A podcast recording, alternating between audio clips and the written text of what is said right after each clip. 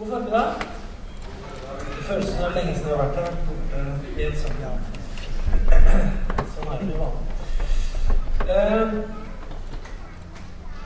Jeg kjenner da jeg skal begynne å tale om, så blir jeg påminnet på at Frode har sagt at jeg begynner alltid å si at jeg skal snakke om noe jeg tenkt, har tenkt på i det siste. Så nå kjenner jeg at jeg skal ikke si det. Jeg har ikke tenkt noe på det jeg skal snakke om i dag. Jeg skal jeg bare ruska sammen. Jeg bare gjorde sånn i mandag. Halleluja. Jeg fant en vers, faktisk. Jeg er veldig heldig. Eh, dere betaler for at jeg kan tenke. Det er fantastisk. Så jeg får lov å bruke mye tid eh, sammen med Guds ord, og det er veldig bra. Det som har fascinert meg mye den siste tida, det er disse fantastiske historiene om Jesus. Det er, eh, det er historier vi har vokst opp med, historier vi har hørt mange ganger, og så er det sånn at det fins så mye i de historiene som vi kan få lov å oppdage på nytt og på nytt og på nytt. Eh, headingen for dagens eh, tale undervisning er 'blinde som ser'. Og siden jeg har ganske mye jeg skal ha rukket å si, så tror jeg bare vi går rett på. Vi skal begynne med teksten, som vi da er henta fra Johannes 9, i vers 39 så sier Jesus og vi skal komme tilbake til sammenhengen etter hvert. Men der står det at Jesus sier Til dom er jeg kommet til denne verden, så de som ikke ser, skal bli seende, og de som ser, skal bli blinde. Hvordan blir mennesker frelst? Det er et spørsmål som alltid har eh, vært stilt. Eh, det ble stilt til Jesus mange ganger. Hvordan blir man frelst? Hvordan kan vi komme inn i himlenes rike? Hvordan kan vi arve evig liv? Dette spørsmålet ble stilt Jesus mange mange ganger. Han svarte på forskjellige måter. Eh, mennesker da stiller også det spørsmålet. En del hvordan kan man bli frelst? Hvordan blir man kristen? Og vi har veldig klare definisjoner på hva det innebærer å bli kristen. Vi har også et oppdrag hvor Jesus har gått i all verden alle folkeslag til mine disipler i det vi lærer dem, osv. Og, og det jeg skal snakke om i dag, håper jeg kan eh, hjelpe oss å se med nye øyne Det høres så fantastisk ut. På det her å bli frelst. Eh, og på det her å være et vitne for Gud. For jeg, jeg vet ikke om det, men noen ganger så tror jeg det er sånn at når vi tror vi ser noe ting, det er det Jesus snakker om, når vi tror at vi ser, så blir vi blinde. Og noen ganger så er det sånn at når vi er blinde, så blir vi seende. Det er det Jesus snakker om. Så jeg kommer tilbake til det. Men jeg har tenkt litt på det også med det å være et vitne for Jesus. Kanskje det er sånn at vi har oppskriften så klar på hvordan vi skal være vitner for Jesus, at vi blir blinde i forhold til å faktisk være det, og så gjør vi det ikke. Det er mye vi kunne sagt om det, men jeg skal gå videre. Når jeg stiller det spørsmålet hvordan blir mennesket frelst, så tror jeg de aller fleste av dere som sitter i salen her i dag, kommer opp med kanskje ca. de alternativene her. De, kan, de ber om frelsesbønn, hvor de bekjenner at de tror med hjertet, og de bekjenner med munnen ut fra Romerne 10, 9-10. Det er en måte man blir frelst på. Vi får folk til å be den bønnen. De rekker opp hånda i et møte og gir respons og sier etter predikanten Jeg tror at Jesus er Guds sønn. Jeg tror han døde for mine synder. Jeg tror han sto opp igjen. Jeg tar imot deg nå, Jesus, tilgi meg mine synder. Det er en måte å bli frelst på. Kanskje det er noen her som har blitt frelst på den måten. Eh, ofte så er det sånne typer frelse vi hører om fra store kampanjer, hvor det er så og så mange som har rekt opp hendene og sagt dette predikanten, og så rapporterer man da 500 ble frelst i helga, ikke sant, der og der, og så ser man dem aldri igjen. Eh, kanskje de har gått fram til formen i et møte og sier at de tror. Eller rett generelt at de et sted i en samtale med noen, eh, i et møte, i en prosess, opplever det som blir kalt å komme i syndene. Og de opplever at de må bli frelst. Og vi sier ofte at det er viktig at folk kommer i syndenød. Det har vi ofte hørt. er det ikke sant? Det er viktig at folk kommer i syndenød. Det er viktig at folk opplever seg som syndere. Jeg tenker at Kanskje det her er liksom de vanlige måtene tenker at sånn blir man frelst. Men spørsmålet er hvordan blir mennesket frelst? Er det alltid på de faste måtene her? Eller kan vi nylese Bibelen litt og nytenke litt? Og det, det er det jeg tenkte vi skulle gjøre.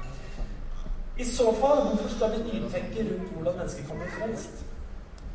Fordi at, jeg tenker at Det er fordi at om vi ser bort fra vår egen nisje i kristenheten, pinsekarismatikken, så er de tingene jeg nevnte nå, de er historisk sett ganske uvanlige ting som fører mennesker til frelse. En del av det, i hvert fall. Eksempel er det med ettermøter. det, det er en veldig ny ting. Det kom på 1880-tallet med en svensk evangelist som het Fredrik Fransson. Som var i Norge. Han hadde vært i Amerika, selvfølgelig. Alle har vært i Amerika, kan bli med hjem etterpå. Og han forkynte det som da skulle bli Misjonsforbundet i Norge, som gikk ut fra den lammerske fri, frikirkebevegelsen i Skien. Og han var evangelist i det, og han innførte det som da vi kaller for ettermøter. At folk kommer fram og fikk forbud osv. Det er en ganske ny greie. Eh, vanligvis så har folk blitt frelst på andre måter rent historisk sett. Vi har også uttrykket 'gjenfødt kristen', snakker vi om. ikke sant? Born and gay Christian. Det er i hvert fall veldig mye brukt i USA. I motsetning til de som kaller seg kristne, men som egentlig ikke er det, da, syns vi. Er du klar over at ordet 'gjenfødt kristen' ikke fins i Bibelen? Men det er laga ut fra teksten i Johannes 3, hvor Jesus sier til Nikodemus at dersom ikke du blir født på ny, så kan du ikke komme inn i Guds rike. Og det er helt riktig. Men vi har denne distinksjonen også på gjenfødte kristne, og så har vi de andre som kaller seg kristne, men som egentlig, de som er gjenfødte kristne, mistenker at ikke er ordentlige kristne. Ikke sant? Er du med? Så for å komme inn i Guds rike må vi definere oss som en gjenfødt kristen. Igjen, hvorfor snakker vi om dette? Er det ikke ganske opplagt hvordan blir vi blir frelst? Vel, det er altså veldig opptatt, opplagt på én måte. Men la meg komme med en liten refleksjon. I vår generasjon vi som lever nå, vi står oppi kanskje og opplever en av de raskeste sekulariseringsprosessene ever som har skjedd i et samfunn uten at det er brukt vold og maktmidler. Sekulær betyr at noe er uten Gud. Sekulær det står, står, som, står, for noe som ikke er evig. Altså det som er det nåværende, i motsetning til det som er evig. Så vi bygger opp en verden som er uten evighetsperspektiv. Vi lever her og nå. Vi tror på vitenskapen. Vi, vi lever, vi blir født, og vi dør, og så er det ikke noe mer. Eh, denne uka her så forsvant ordet kirkegård. Var det noen som fikk med seg det? Ordet kirkegård er vekk. Her skal det hete gravplass. Det er ikke bra at dette kirkegård blir så veldig farlig. Denne kirke, Selv om det er ved en kirke, så kan vi ikke et kirkegård, men en gravplass. Og Det bare en liten ting hele tida når vi skal sekularisere samfunnet vårt. Eh, når vi tenker Altså Det er en mye sekularisering som skjer i samfunnet vårt. Så er det sånn at eh, veldig mange kristne blir veldig bekymra. Vi blir bekymra over at eh, barna ikke lenger lærer salmer på skolene. Vi blir bekymra over at de ikke lærer bønnene. Vi blir bekymra over at de ikke leser Bibelen. Vi blir bekymra over at de ikke hører om Gud. At de ikke lærer om Jesus osv. Og så tenker vi at fordi de ikke lærer om Jesus lenger på skolen, og sånn, så burde vi være veldig bekymra. At det gjør oss kristne, at vi gjør akkurat de tingene. Når vi tenker på det å være kristen, så tenker vi da ut fra at hvis bare folk lærer visse ting, så blir de kristne. Men sannheten er at sånn er ikke kristendommen. Det er ikke sånn at Hvis du lærer salmer, hvis du lærer bibelvers, hvis du lærer om Jesus, så blir du kristen. Sånn er det ikke. Er det ikke det? Nei, det er ikke sånn. Fordi at kunnskap fører ikke til frelse. For eksempel så vet jeg en del predikanter som har barn som ikke er kristne. De har sikkert vokst opp i menighet. De har sikkert lært alle sangene, sikkert vært på alle søndagsskoleklasser, alt det her, men barna ble likevel ikke kristne. Og spørsmålet er hvorfor det? De hadde jo kunnskapen. Og Det er fordi at kristendommen er en åpenbaringsreligion. Kristendommen handler om å se. Derfor snakker ikke Jesus om at det, at det handler om bare å høre, men han snakker om at du må se noen ting. Du må se hvem jeg er. Du må se hvem Gud er. Du må få åpna dine øyne. Så det her å bli kristen handler om noe mer enn kunnskap. Jeg tenker at vi ikke behøver å være så bekymra som mange gir uttrykk for. Hvis du tenker historisk sett på det i Det nye testamentet, så var apostlenes miljø, det som var rundt dem, det var mye dårligere enn det vi hadde nå. De var i en romersk supermakt som var gjennomhedensk. De tilba keiseren, de tilba mange ulike guder. Det var ingen barn i Romerriket som lærte salmer fra Landstads salmebok. Den var ikke trykt ennå. Eh, det var ingen som liksom hadde evangelietone på den tida der. Det var ingen som lærte det her. De lærte ikke bønner, de lærte ikke fagord. De sa bare 'ved Jupiter', i hvert fall det er det jeg lest i Asterix. Og så tilkalte keiseren gjorde sånne ting. Det var et gjennomhemisk samfunn. Allikevel, til tross for den manglende opplæringa og kunnskapen om Jesus og Gud og jødisk religion, som det egentlig var, så fikk evangeliet et voldsomt gjennomslag i Romerriket. Hvorfor det? Var det fordi barna hadde gått på kristne skole? Nå snakker jeg ikke om kristne skole. Det er bare denne tanken om at vi må være veldig bekymra nå. Nei, det var ikke det som gjorde at evangeliet fikk gjennomslag. Det var det at det var noen som hadde sett hvem Jesus var. Og de formidla en levende tro videre. Og så var det andre som fikk se med sine hjertes øyne. Og så skjedde denne revolusjonen her. Og det var egentlig mye verre enn det vi lever i i det norske samfunnet i dag. Jeg vil påstå at denne generasjonen som vi er en del av nå, de som vokser opp nå, som vokser opp uten salmesang, uten Gud, og som ikke har noe forhold til at noe er synd imot Gud Det eneste formålet har til rett og galt, det måler vi ut fra humanistiske verdier på det som eh, Vi skal ta hensyn til hverandre, vi skal være gode mot hverandre. Alt det her er bra. Men det her med synd imot Gud, det er veldig fjernt for de som vokser opp nå i vårt sekulariserte samfunn. Og jeg tror at veien til den såkalte syndenøden er mye lenger for de som vokser opp nå, enn det det var for min besteforeldre. Hvorfor tror jeg det? Er det ikke Den hellige ånd som gjør det? Jo, men det har noe med samvittigheten å gjøre. Det har noe med at eh, folk før de ble lært opp i at ting var synd. Det var rent, og det var urent, og det var visse ting Gud ikke likte. Og de som var syndere, de skjønte på en måte at de var det. Når de hørte en viss type forkynnelse, så stakk det dem i hjertet, og samvittigheten deres var forma på en måte som gjorde at de lettere kom i et, et forhold hvor de kjente Åh, jeg har synda mot Gud. Jeg tror kanskje veien til den type opplevelse er lenger for den generasjonen som lever nå. Syndenød er også et begrep som ikke fins i Bibelen. Hvorfor skal vi snakke om hvordan folk blir frelst? Vi har en visjon i menigheten her som vi ønsker å henvende oss til dagens mennesker. Vi ønsker å vise mennesker veien til Gud. Eh, vi begår risikoen på å spørre feil spørsmål til folk. Vi kan være raske til å spørre folk f.eks. om er kristne eller ikke. Sånn her. Eh, har du merka noen forskjell inni deg? F.eks. med referanse til at Den hellige ånd har flytta inn. Har du merka noen forskjell? Eh, spørsmål Har du bedt frelsesbønnen, da? Har du blitt ordentlig frelst? Har du bedt frelsesbønnen? Det er ikke sikkert folk har hørt. Eh, eller fikk du skikkelig syndenød når du ble kristen, når du begynte å tro på Gud? Fikk du bekjent din synd? Med utgangspunkt i at man bør kjenne seg som en synder før man kan kalle seg kristen. Man bør overgi seg på noen måten før man kan kalle seg kristen. Men spørsmålet er er det virkelig sånn, hvis vi leser i Bibelen, var det det folk opplevde? Opplevde folk seg alltid som syndere før de ble frelst. For eksempel når vi leser Jesushistoriene. Hvordan ble folk frelst rundt Jesus? Problemet med å definere for tydelig hvordan vi tenker at folk skal bli kristne, er at vi tror at vi ser Gud veldig tydelig. Vi tenker at vi skjønner hva som må til for at noen skal bli frelst. Eh, vi tror vi skjønner veldig tydelig hvordan det skal gjøres, hvordan det bør føles. Og vi risikerer at vi blir blinde veiledere. Det kan godt være at du som sitter her i det rommet her nå i formiddag, eh, kan ha godt av å høre deg. Kanskje du ikke har en fantastisk såkalt frelseshistorie. Kanskje du har hørt i våre sammenhenger at eh, folk ble frelst den og den datoen i et vedskjul utafor et land. De har jo alt sånne historier.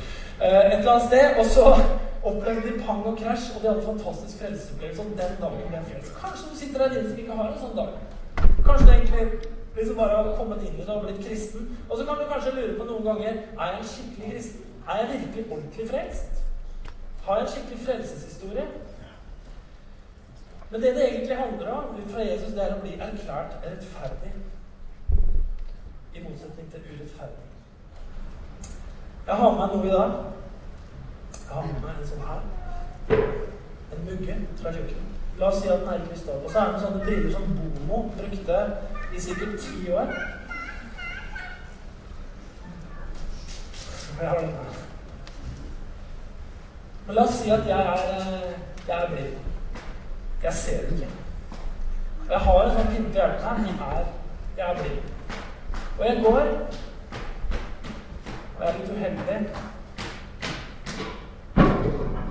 sparker bare til den. Knuser brødstykker. Hvor, hvor mye hadde du vært sur på meg, eller en blind person som kan gå opp sånn her og fikk sparka til en fin ting og et stykke? Hvor, hvor mye hadde du liksom eh, kjefta? Hei! Ser du hva du gjorde? Jeg mener eh, Altså Det blir noe feil med det. Men hvis jeg derimot, som er seende, gjør det samme Jeg ser veldig godt. Jeg kommer gående, og jeg bare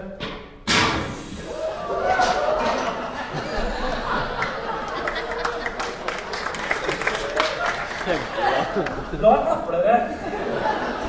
That's my man. Det er den organisasjonen jeg frykter.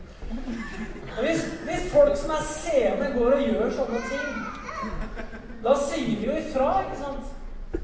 Hadde det vært min sønn som gjorde akkurat det jeg gjorde nå, f.eks. Etter møtet her i dag. Da hadde han sagt Hei! Skal vi si hvem av dem, da? En av dem. Hva er det du holder på med? Ser du ikke den mugga som står der, eller? Kan du ikke gjøre sånn? Hvis han hadde vært blind, så hadde jeg ikke sagt noe. Jeg hadde ikke anklaga. Vi skal gå videre i dagens tekst. Johannes 9, igjen. Vi skal lese litt mer. Så sier Jesus til da må jeg komme til denne verden, så de som ikke ser, skal bli seende, og de som ser, skal bli blinde. Noen av fariseerne som de sto der, de hørte dette og sa til ham Ja, kanskje vi også er blinde? Jesus svarte Var dere blinde, hadde dere ingen synd. Men nå sier dere vi ser, derfor blir deres synd stående. Nå er vi vant til å lese som det står, og ferdig med det. Men det her er en ganske interessant greie. Da. Det Jesus sier her. Hvor langt skal vi trekke forståelsen av det som står her? Jesus svarte Var dere blinde, så hadde dere ingen synd. Altså med andre ord, Hvis dere gikk der som blinde, og dere, dere gjorde mye gærent så ville dere vært unnskyldt fordi dere ser ikke. Så den som er blind, blir unnskyldt. Da hadde dere ingen synd. Men dere sier 'vi ser, derfor blir deres synd stående'. Når du er seende og gjør det samme, så blir forholdet et annet. Spørsmålet er hvem blir frelst? Hvordan blir man frelst? Spørsmålet blir stilt Jesus hva skal jeg gjøre for å bli frelst? Hvordan komme inn i Guds rike? Det er interessant å svare på. Jesus refererer til at fariseerne påstår at de ser. Hva er det fariseerne påstår at de ser? De påstår at de skjønner hvem Gud er. Fariseerne har, de har Gud. De har loven, de har skriftene, de har tradisjonene, de har bønnene, de har alt det her. Og de sier 'Vi ser Gud, og vi veileder folket til Gud'. Vi er seende. Men Jesus sier 'Dere er ikke seende. Dere tror dere ser, men dere blir blinde'. Men de som er blinde, de skal se. De skal bli frelst.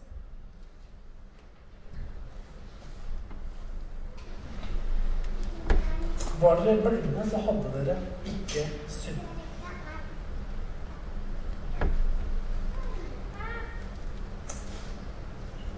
Mange ganger så har vi hørt oss sjøl kanskje, og andre kristne si når vi kommer til himmelen, så vil vi sikkert treffe noen vi ikke tenkte kom til å være der. Har du noen gang sagt det? Det er sånn man ofte sier. Vi kommer sikkert til å møte noen i himmelen som ikke vi trodde kom til å være der. Og så er det sikkert noen vi tenker at kom til å være der, som ikke er der. Sånn er ofte folk også. Mener du virkelig det? Men, tror du virkelig det at det kommer til å dukke opp noen folk der som har gått en annen vei, finne Gud en annen vei enn de vanlige tingene har gått i menighet og bekjent etter meg og sagt frelsesbønnen? Hva innebærer egentlig det? Hvordan virker Gud på mennesker? For det er sånn som er lett å si, men har du en ordentlig teologi på det, egentlig? Eller er det mer sånn der Ja, det kommer dukker sikkert opp noen altså, som ikke hadde tenkt på? Vi skal se på noen historier fra Nytestamentet om hvordan mennesker ble frelst. Den første historien, som er forløpet til, den historien, til det Jesus sa om å se og være blind i solen, det står i Lukas nå. Eh, vi skal lese Det handler egentlig hele kapittelet er kjempemorsom historie. Vi skal ikke lese hele. Jeg skal prøve å sitere det. Eh, for en dag så er det sånn at Jesus er ute og går med disiplene sine. Det står i Det står eh, i Johannes 9 så står det sånn her Da Jesus gikk gående, så han en mann som var født blind. Disiplene spurte da, 'Rabbi, hvem er det som har syndet? Er det han selv, eller er det foreldrene hans, siden han ble født blind?' Jesus svarte, 'Verken han eller hans foreldre har syndet.' Men nå kan Guds gjerninger bli åpenbart på ham. Så lenge det er dag, så må vi gjøre hans gjerninger som har sendt meg. Det kommer en natt da ingen kan arbeide. Så lenge jeg er i verden, er jeg verdens lys. Da han hadde sagt dette, så spyttet han på jorden, laget det til leire med spyttet og smulte det på mannens øyne. Så sa han, gå og vask deg i Siloadammen. Siloa betyr utsendt. Mannen gikk dit og vasket seg, og han kom sene tilbake. Det er en artig historie. Denne mannen det er helt tydelig av historien denne mannen pleier å sitte på et bestemt sted og tigge. Han har vært blind siden han var født, og han, han måtte da bli tigger. Han kunne ikke arbeide som blind. Han var fattig, og sannsynligvis var han på det samme stedet og tagg. Vanligvis. En dag kommer Jesus gående sammen med sitt. Det står ikke at de er på et oppdrag, de er bare ute og går. Og så kommer de forbi han fyren der, og så ser de at han er blind. Og så sier disiplene det, og de snakker jo ikke til fyren, de bare snakker med hverandre og sier eh, 'Jesus, rabbi, hvorfor er han blind egentlig, han som sitter der?' Er det fordi han har syndet, eller er det fordi foreldrene har syndet? Så de stilte et teologisk spørsmål. De ville ha i gang en diskusjon. De var egentlig ikke ute etter å gjøre noe med ham. De snakket med. De ville bare diskutere casen, denne blinde mannen. Så, så sier Jesus at det er ingen av dem. ikke sant? Dette er, Da skal Gud vise sin gjerning på ham. Så, og uten at mannen spør om noen ting. Liksom 'Å, er det Jesus som er på vei?' Han spør jo ikke om det. Er det, er det kan jeg bli helbreda? Han spør ikke om det. Han sitter og tigger. Han er kanskje intetanende om at disse her går og prater om ham. Så plutselig, uten forvarsel, uten at Jesus sier noe, så hører mannen bare rett ved siden av seg. Han sier ikke noe til Det står i hvert fall ikke om det. Og så lager Jesus leire, og denne mannen sitter blind. Han prater ikke, han har ikke spurt Jesus om noen ting. Han har hørt at noen har prata, og plutselig kjenner han bare i nevene sine Det er det det står. Og så sier Jesus 'Gå og vask deg'. Og vet du hva? Det ville jo helt sikkert uansett ha gjort.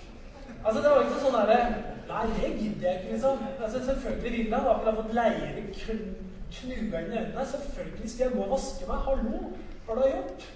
Men Jesus sier 'gå og vask deg', i dammen siloa. Jeg er allerede på vei. Kanskje han tenkte ikke sånn, du har ikke klina leire øynene mine. Så han er på vei ned, og går ned og vasker seg. Og så får han se og så kommer han tilbake senere. Han opplever et mirakel uten at han har bedt om det. Uten at han har spurt Jesus om det. Det bare skjer. Og så skjer det at han kommer tilbake igjen.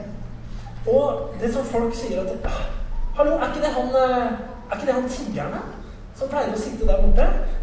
Og noen sier jo, det er han. Visst er det han.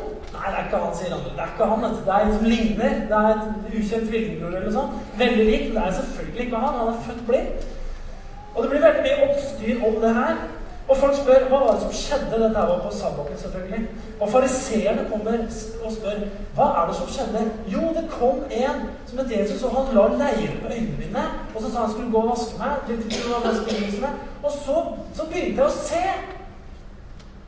Ja, men uh, liksom uh, Og de spør og spør. Og de henter foreldrene. altså, det, Er han er sønnen deres? Ja, ja, det er sønnen vår. Ja, Har ikke han alltid vært blind? Jo, han har alltid vært blind. Og så skjønte foreldrene at dette her var en veldig het diskusjon, så de, de, spør ja, hvordan har det her skjedd, da? At han ble helbredet? De var jo sinna på det her. Hvordan har det skjedd? Nei, jeg veit ikke. altså Spør sjøl. Altså, gå og snakk med sjøl. Altså. Ikke spør oss. Vi har ikke peiling. Denne mannen han, han ble spurt dette spørsmålet flere ganger. Og, kommer, og de kommer tilbake til ham. Mannen han blir mer og mer trygga av de spørsmålene her. Og til slutt sier han du må skjønne at han har kommet fra Gud. For fariseerne sa at denne mannen er ikke fra Gud, han helbreder på sabbaten. Og det går jo ikke an. Vi skjønner jo at ingen som kommer fra Gud, helbreder gjør det på sabbaten. Og denne mannen blir mer bevisst på at han må jo være fra Gud, denne karen, den han nå var. For det er ingen som har gjort noe sånt før. Altså Alle vet at ingen som har vært født blind, har jo blitt helbreda før. Det har ikke skjedd før, det. Nå har det skjedd med meg, så det må jo være fra Gud. Det blir masse diskusjoner. Og Fariseerne blir sinte for denne mannen skal prøve å lære dem. Og de sier til ham, 'Du er helt og fullt født i synder, og du vil lære oss.' Og så kaster de mannen ut av synagogen. Han blir altså ekskommunikert. Han blir tatt ut av fellesskapet, av synagogefellesskapet, og får ikke lov å komme dit mer fordi han har spotta Gud. Jesus han har ikke vært der i det hele tatt. Han har bare spytta klina i leiren og sagt gå og vask deg'. Han har ikke vært med i det her i det hele tatt. Så får Jesus høre om at mannen har blitt kastet ut fra synagogen.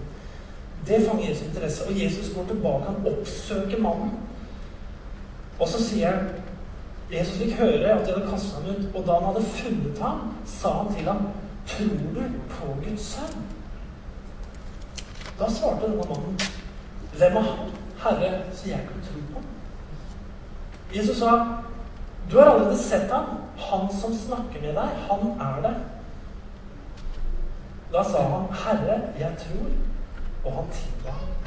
Jesus sa, 'Til dom er jeg kommet til denne verden, så de som ikke ser, skal se, og de som ser, skal blindes.' Noen av fariseerne som med hørte disse ordene, så er vi også blinde. Jesus sa til dem, 'Hadde dere vært blinde, hadde dere ikke hatt synd.' Men nå sier dere, 'Dere, vi ser, derfor består dere synd.' Denne mannen denne mannen visste ikke at Jesus var Messias. Denne mannen hadde ikke peiling på hvem Jesus var. Han kommer forbi, og han blir helbredet. Denne mannen søkte ikke frelse, men en dag så kommer Jesus inn i hans livssituasjon og berører ham. Og spørsmålet er som Jesus stiller, tror du på Guds sønn? Mannen svar er, hvem er han? Jeg vet ikke hvem han er. Jo, det er jeg som snakker med deg. Og da sa han, da tror jeg. Da skjønner jeg det må være deg. Så blir mannen frelst. Hvor mange mennesker er det som har opplevd at Jesus har kommet inn i deres livssituasjon og gjort noe for dem uten at de har skjønt hvem det har vært? Det kan være ganske mange, det.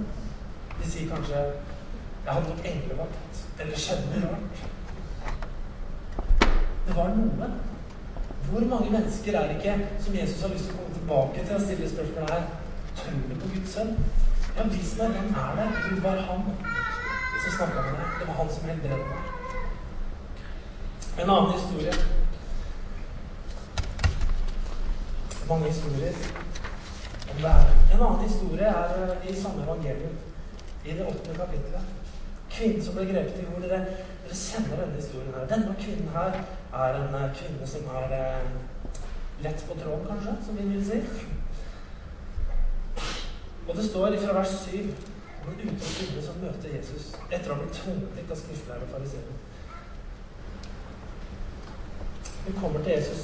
Denne kvinnen ble grepet på fersk gjerning i ekteskapsbrudd, altså i å drive ord. Moseloven sier at hun skal steines. Hva sier du? Kvinnen kommer dit. Kvinnen sier ingenting. Hun er bare dratt med. Hun er bare dratt ut av sin situasjon, som ikke var bra. Hun ble dratt fram for Jesus, og hun står der som kvinne, skamfull, naken.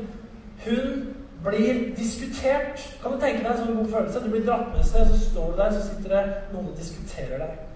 Denne kvinnen her har akkurat blitt grepet. Hun skal steines i Moselov. Hva sier du? Og så begynner de å diskutere. Og Der står hun og venter på dommen. Hva kommer til å skje med meg nå? Denne kvinnen hun kommer ikke til Jesus fordi hun søker frelse. Denne kvinnen kommer ikke til Jesus fordi hun søker Gud. Hun kommer ikke for å bli helbreda. Hun kommer ikke fordi hun har lengsel i hjertet. Hun kommer fordi hun har blitt tatt på fersken i en drive ord. Derfor så kommer hun til Jesus. Og Jesus diskuterer det her. Han skriver i bakken, og så retter han seg opp, og så sier han i Johannes 8, 7-11 Den av dere som er uten synd, han kaster den første steinen på henne. Så bøyde han seg ned og skrev på jorden. Da de hørte dette, gikk de bort én etter én, de eldste først. Til slutt var Jesus alene igjen, og kvinnen sto foran ham. Da rettet han seg og spurte, 'Kvinne, hvor er De? Har ingen fordømt deg?' Hun svarte, 'Nei, Herre, ingen.' Da sa Jesus, 'Heller ikke jeg fordømmer deg. Gå bort og synd ikke mer fra nå av.' Hva er det som skjer her, egentlig? Jesus, Guds sønn, han har denne diskusjonen, og så sier han til kvinnen Har ingen fordømt deg? Nei, ingen. Så satt han ene, han satt igjen. Han som kunne ha fordømt henne. Han som kunne ha felt dommen over henne. Og han sier, 'Heller ikke jeg fordømmer deg.' Heller ikke jeg setter deg under dom eller fordømmelse. Jeg frikjenner deg. Jeg gir deg nåde istedenfor rett. Og så sier han, 'Gå bort og synd ikke mer fra nå av'. Med andre ord, vend om ifra det du holdt på med, og begynn å leve et liv som rettferdig. Denne kvinnen, hun søkte ikke frelse. Denne kvinnen søkte ikke Gud. Denne kvinnen kom, ble dratt fram for Jesus i en helt merkelig situasjon. Og så sier Jesus, 'Heller ikke jeg fordømmer deg. Lev videre'. Og kan du tenke deg, ble hun frelst da, da?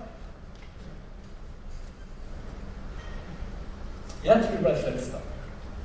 Fordi når Jesus sier 'Jeg fordømmer deg ikke', hva er det, du, hva er det da? Da er du frikjent. Og det å være frikjent, det er det som handler om å være frelst. Det å bli frelst handler om å bli frikjent fra konsekvensen av sin synd. Denne dama, hun ble frelst. Hvorfor ble hun frelst? Jeg vet ikke, Vi leser ikke historien videre, Jesus sier 'Gå herifra, synd ikke mer etter dette'. Hun ba ikke om det, hun spurte ikke om det. Jesus kommer. Og vet du hva, dere? Det står en historie i Bibelen at den gode hyrde setter sitt liv til for fårene. Det står at han som har de 99 får, han forlater de 99 for å finne den ene som er fortapt. Noen ganger så tenker vi det at det, det ene fåret det får sannelig komme seg ut av krattet sjøl og finne Jesus. Men vet du hva? Det står i Bibelen at Jesus han er den som går etter de som er syndere, de som sitter fast, de som sitter i gjørma, som ikke kommer hjem igjen. Han går etter dem for å finne dem. Han gjør det. Hvor mange mennesker er det Jesus har gått etter, som han har berørt, som han har hjulpet, og som noen trenger å forklare at det var Jesus som gjorde det? Tror du på Jesus? Tror du på Guds sønn? Vis meg hvem han er. Hvem er det? Skal du forklare hvem han er? Ikke sikkert en kvinne her skjønte ordentlig hvem. Så snakka med ham. Det kommer en annen historie i eh, Johannes 5. En mann som har vært eh, syk i 38 år. Han sitter ved en dam som heter Betesta. Og det står fra vers 5 til 9 i den historien. Dere kjenner sikkert den de fleste av dere. Det var en mann der som hadde vært syk i 38 år. Jesus så ham ligge der og visste at han hadde vært syk lenge, og sa til ham, 'Vil du bli frisk?' Den syke svarte, 'Herre, jeg har ingen som kan få meg ned til dammen når vannet blir rørt opp.' 'Og når jeg kommer fram, så går det alltid en annen uti før meg.' Da sa Jesus til ham, 'Ta opp, stå opp, ta båren din og gå.' Straks ble mannen frisk. Han tok båren sin og gikk. Dette var også på sabbat. Denne mannen søker helbredelse. Han har vært syk i 38 år. Det er lenge. Veldig lenge. Sannsynligvis hadde da hele hans liv vært preget av sykdom. Han søker det som enhver syk søker. Han søker helbredelse. Har du merket at Folk er veldig ukritiske i forhold til hvordan de kan bli helbreda. Bare de kan bli helbreda, så er det liksom det overordna. Snåsamannen blir jo rent ned. Og fra hele landet. Jeg har lagt inn årene nå. Men uh, alle vil jo bli helbreda som er syke. Folk søker alternativ medisin. Folk søker Gud. Folk søker menn og kvinner som skal ha visse evner osv. De søker leger, de søker ulike terapiformer, ulik type medisin osv. for å bli helbreda. Denne mannen var ikke annerledes. Han, han var fokusert på én ting. Han ville bli helbreda. Og han var ved Betesta Dam, for han visste at innimellom så kommer en engel ned og rører opp i vannet. Og førstemann ned Veldig rar greie, egentlig. førstemann ned, for han blir helbreda. Så det gjaldt å holde vannkanten, for å si det sånn. Eh, men han, han lå der og lå der, for han, eh, han, han var tydeligvis lam eller kunne ikke gå, var dårlig. Så han måtte ha noen til å hjelpe seg ned. Han søker helbredelse. Han søker ikke Gud, han søker ikke frelse, han søker ikke Jesus. Han søker å bli frisk gjennom dette her og vannet her. Han er trolig mye mer opptatt av helbredelsen enn av helbredere. Hvilket er veldig vanlig. Og Jesus tar initiativ og spør dette nesten latterlige spørsmålet. Jeg mener mannen har ligget der kanskje flere år og prøvd og spør da Vil du bli frisk, eller? Hvorfor tror du jeg ligger der? altså Vil du bli frisk? Det vil han selvfølgelig. Men når Jesus spør mannen spørsmålet vil du bli frisk, så sier ikke mannen til Jesus Ja, Herre, 'Jeg vet at du kan helbrede meg.' Nei, han skjønner ikke at Jesus kan gjøre det. Han vet kanskje ikke hvem Jesus er. Han sier til Jesus, 'Ja, jeg vil bli frisk, men du skjønner det at eh, jeg må være førstemann ned i vannet.'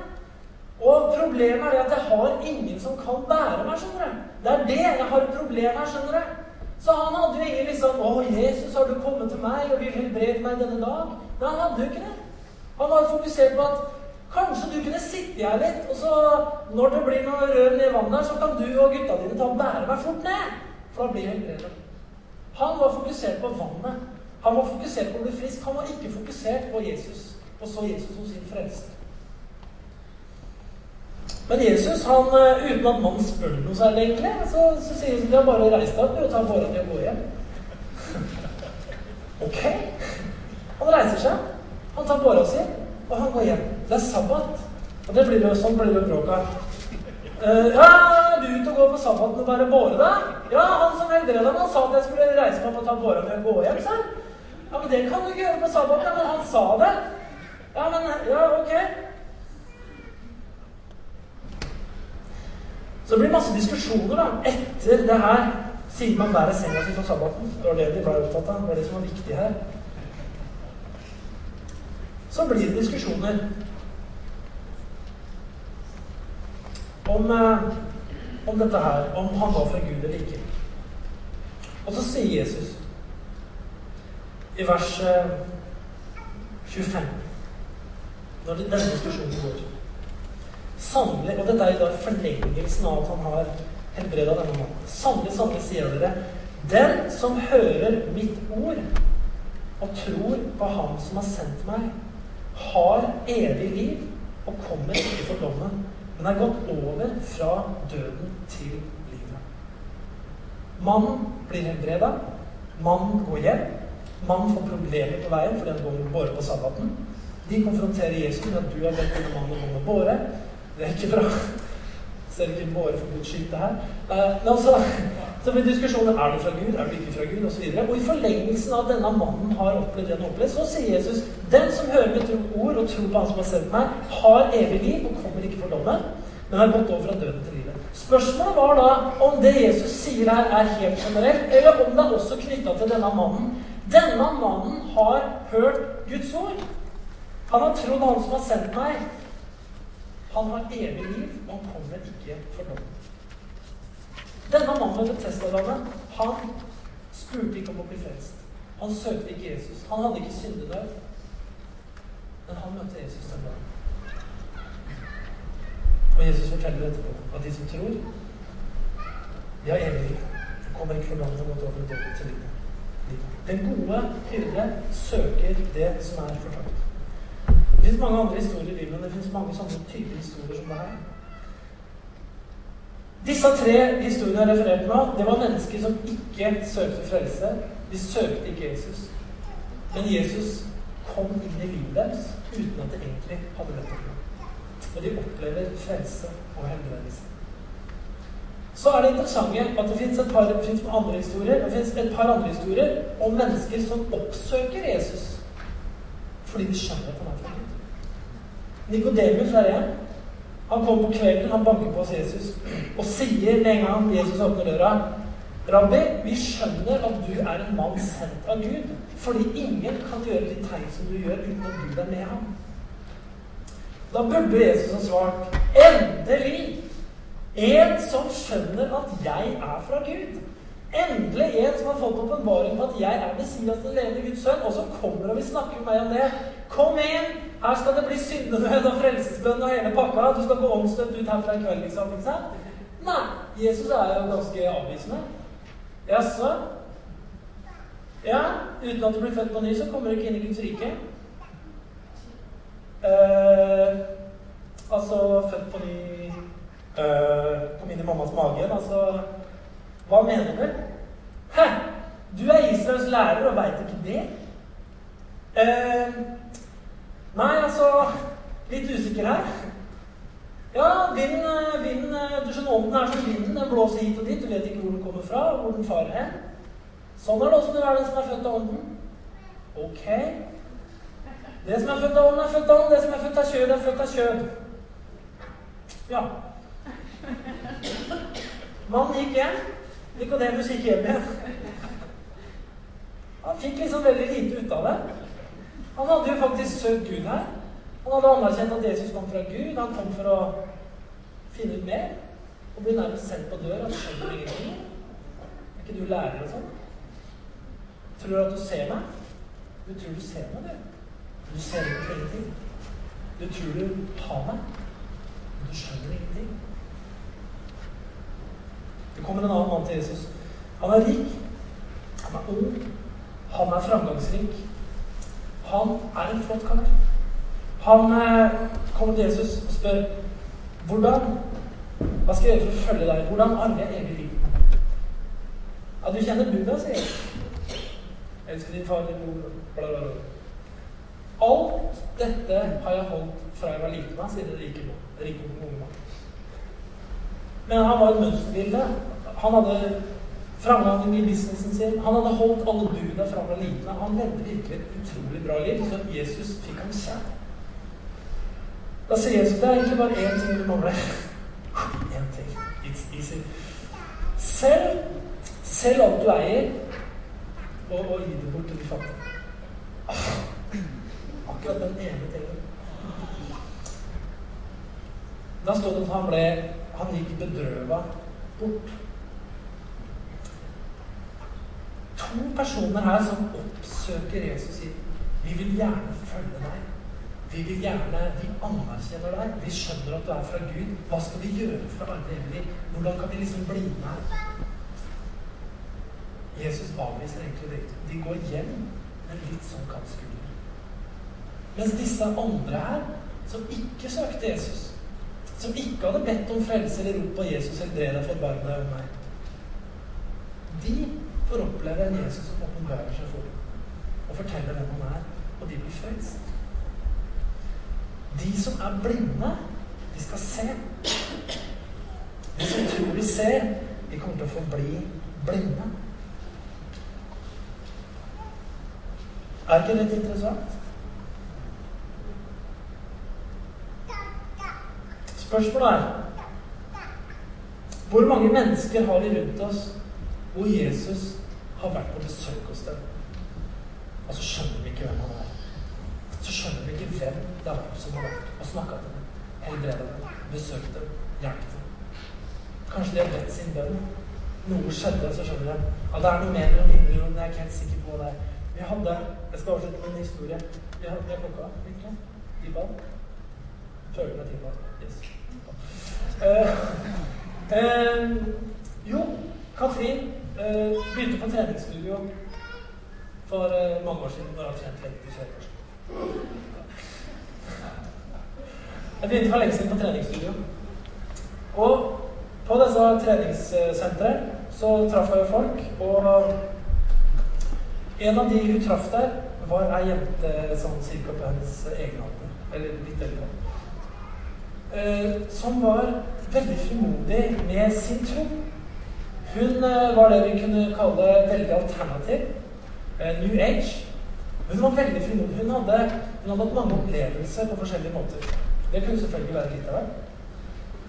Men hun trodde på at det var noe mer. Og hun søkte dette som var noe mer, uten at du egentlig visste helt hva du søkte. Vi begynte å prate med henne. Katrin begynte å prate med henne. Etter hvert så begynte vi å prate med henne. Og Jeg husker en kveld vi satt i bilen. Vi skulle kjøre henne hjem. Vi hadde fått henne med på en av greie i menigheten. En sånn der eh, partygreie.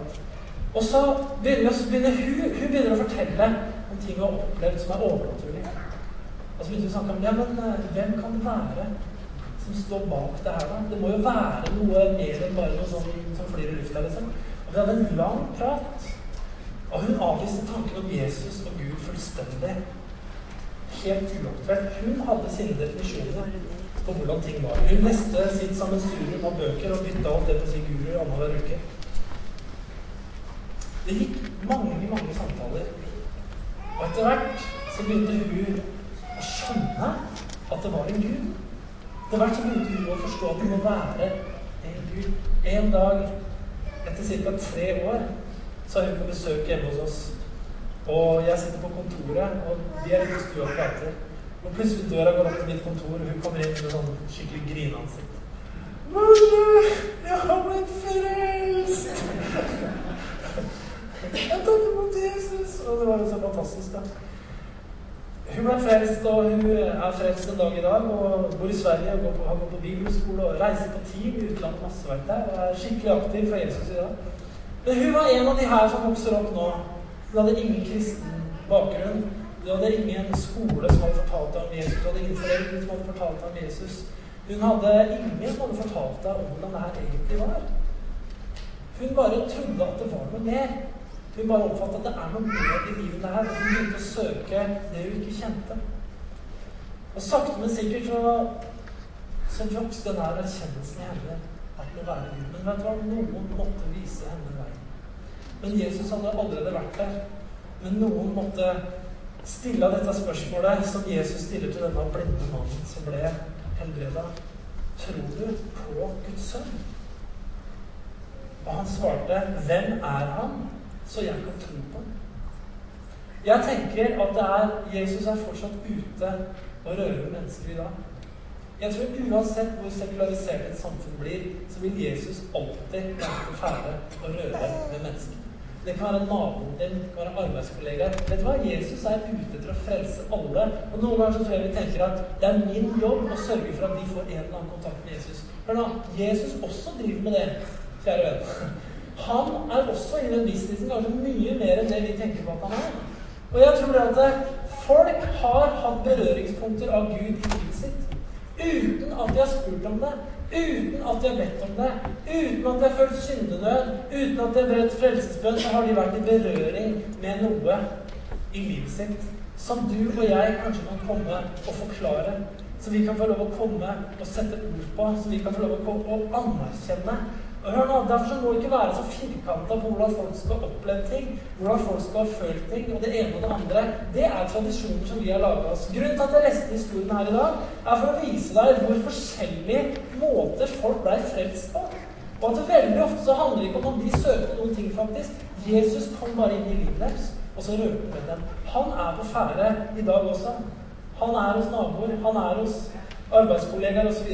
Kan vi tenke litt mer sånn på det, så tror jeg det er en veldig bra måte å tenke på i forhold til vitne. For det er noen ganger at vi blir slitne av vår egen eh, vitneform. For vi har liksom hatt to måter å gjøre det på. Du skal ha torvmøte. Det er ikke noe gærent med torvmøte. Alt som forkynner Guds ord, det er kjempebra. Men noen ganger blir det sånn at vi skal på torvmøter. Og jeg husker vi dro på disse torvmøtene da jeg var ung. Jeg ble, jeg ble, aldri glad i de torgmøtene. Jeg vet det var mennesker som var genuint glad i å ha torgmøter. Personlig ble jeg aldri glad i torgmøtene. Jeg tror vi sikkert har forskjellige nåder på ulike områder. Men jeg ble aldri glad i torgmøtene. Jeg tenkte at dette er jo måten å vitne på. Hvis jeg ikke er med her, så, så er jeg liksom ikke et vitne for Jesus.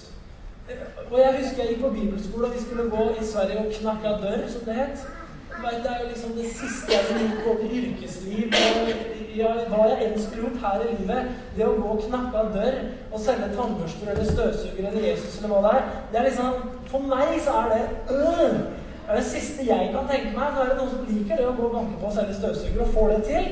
Jeg ikke ansett meg til det. Men, så for meg så var det helt pyton, egentlig, å gå og knakke av dør og si 'Tror du på Jesus?' Ikke sant? Det var sånn herre Pang! I 99,9 da var jo det. Og så tenker man Nå har jeg min. Nå har det jeg skal. Ikke sant? Alt de greiene. Men Jesus, han bare kommer inn i livet Hvis vi kan ta med oss det, så tror jeg det er veldig bra. Og jeg tror det at vi må, vi må tenke litt sånn i forhold til folk som vokser opp, folk som lever nå. De har ikke de referansene som vi ofte syns de burde ha.